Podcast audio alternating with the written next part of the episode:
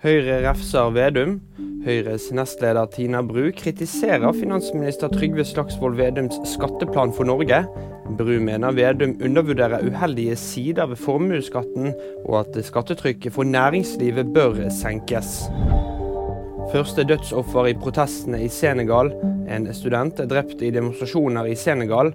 Han er det første dødsofferet i protestene mot det utsatte presidentvalget i landet.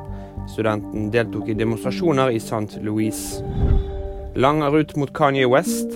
Ozzy Osbourne skal ha seg frabedt at rapperen sampler fra han. Kanye West, som har en rekke antijødiske uttalelser på samvittigheten, har nemlig søkt om å få sample en Ozzy-opptreden. Han har såret så mange, uttaler rockelegenden.